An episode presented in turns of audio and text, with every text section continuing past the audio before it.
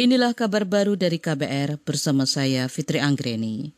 Menteri Hukum dan HAM Yasona Lauli menyesalkan banyaknya berita bohong atau hoaks terkait pembebasan narapidana melalui program asimilasi.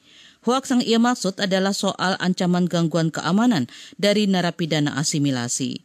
Padahal dia mengklaim kebijakan Kemenkumham itu sangat manusiawi. Saya sangat menyesalkan adanya oknum-oknum yang menyebar hoax melalui media sosial bahwa akan ada gelombang besar narapidana yang keluar dari lapas dan ini akan menebarkan teror terhadap keamanan masyarakat. Cerita horor tentang penanggulangan tindak pidana. Menkumham Yasona Lauli mengklaim pembebasan narapidana sudah sesuai peraturan Menkumham tentang syarat pemberian asimilasi dan hak integrasi bagi narapidana dan anak terkait wabah virus corona. Sebelumnya, Kemenkumham membebaskan lebih dari 38 ribu narapidana dewasa dan anak melalui program asimilasi dan integrasi. Itu dilakukan untuk mencegah penularan COVID-19. Dari jumlah itu, ada 39 narapidana yang kembali mengulangi aksi kejahatan pasca dibebaskan. Koperasi dan pengusaha UMKM diharapkan bisa mengikuti tren dengan memanfaatkan aplikasi layanan perniagaan elektronik untuk memasarkan produk dan jasanya. Sebab menurut Menteri Koperasi dan UMKM, Teten Masduki, pola konsumsi masyarakat di tengah pandemi COVID-19 berubah dari belanja langsung menjadi belanja daring.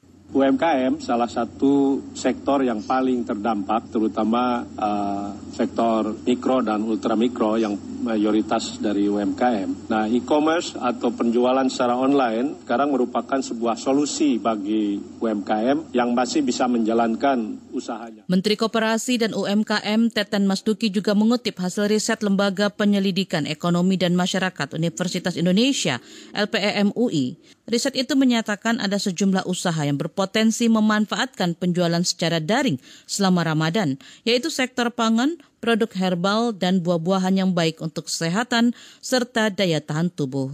Jumlah kasus virus corona di Amerika Serikat meningkat dua kali lipat dalam 18 hari. Peningkatan itu merupakan sepertiga dari semua infeksi COVID-19 di dunia yang kini mencapai 3 juta orang lebih. Saat ini jumlah kasus positif corona di Amerika Serikat lebih dari 1 juta kasus. Jumlah kematian melampaui 59 ribu jiwa. Jumlah pasien sembuh lebih dari 142 ribu orang. Presiden Donald Trump sedang mempertimbangkan meminta seluruh penumpang penerbangan internasional menjalani pemeriksaan virus corona di bandara Amerika, terutama penumpang yang berasal dari zona merah COVID-19 seperti Brazil, China, dan sejumlah negara Eropa. Demikian kabar baru dari KBR, saya Fitri Anggreni, salam.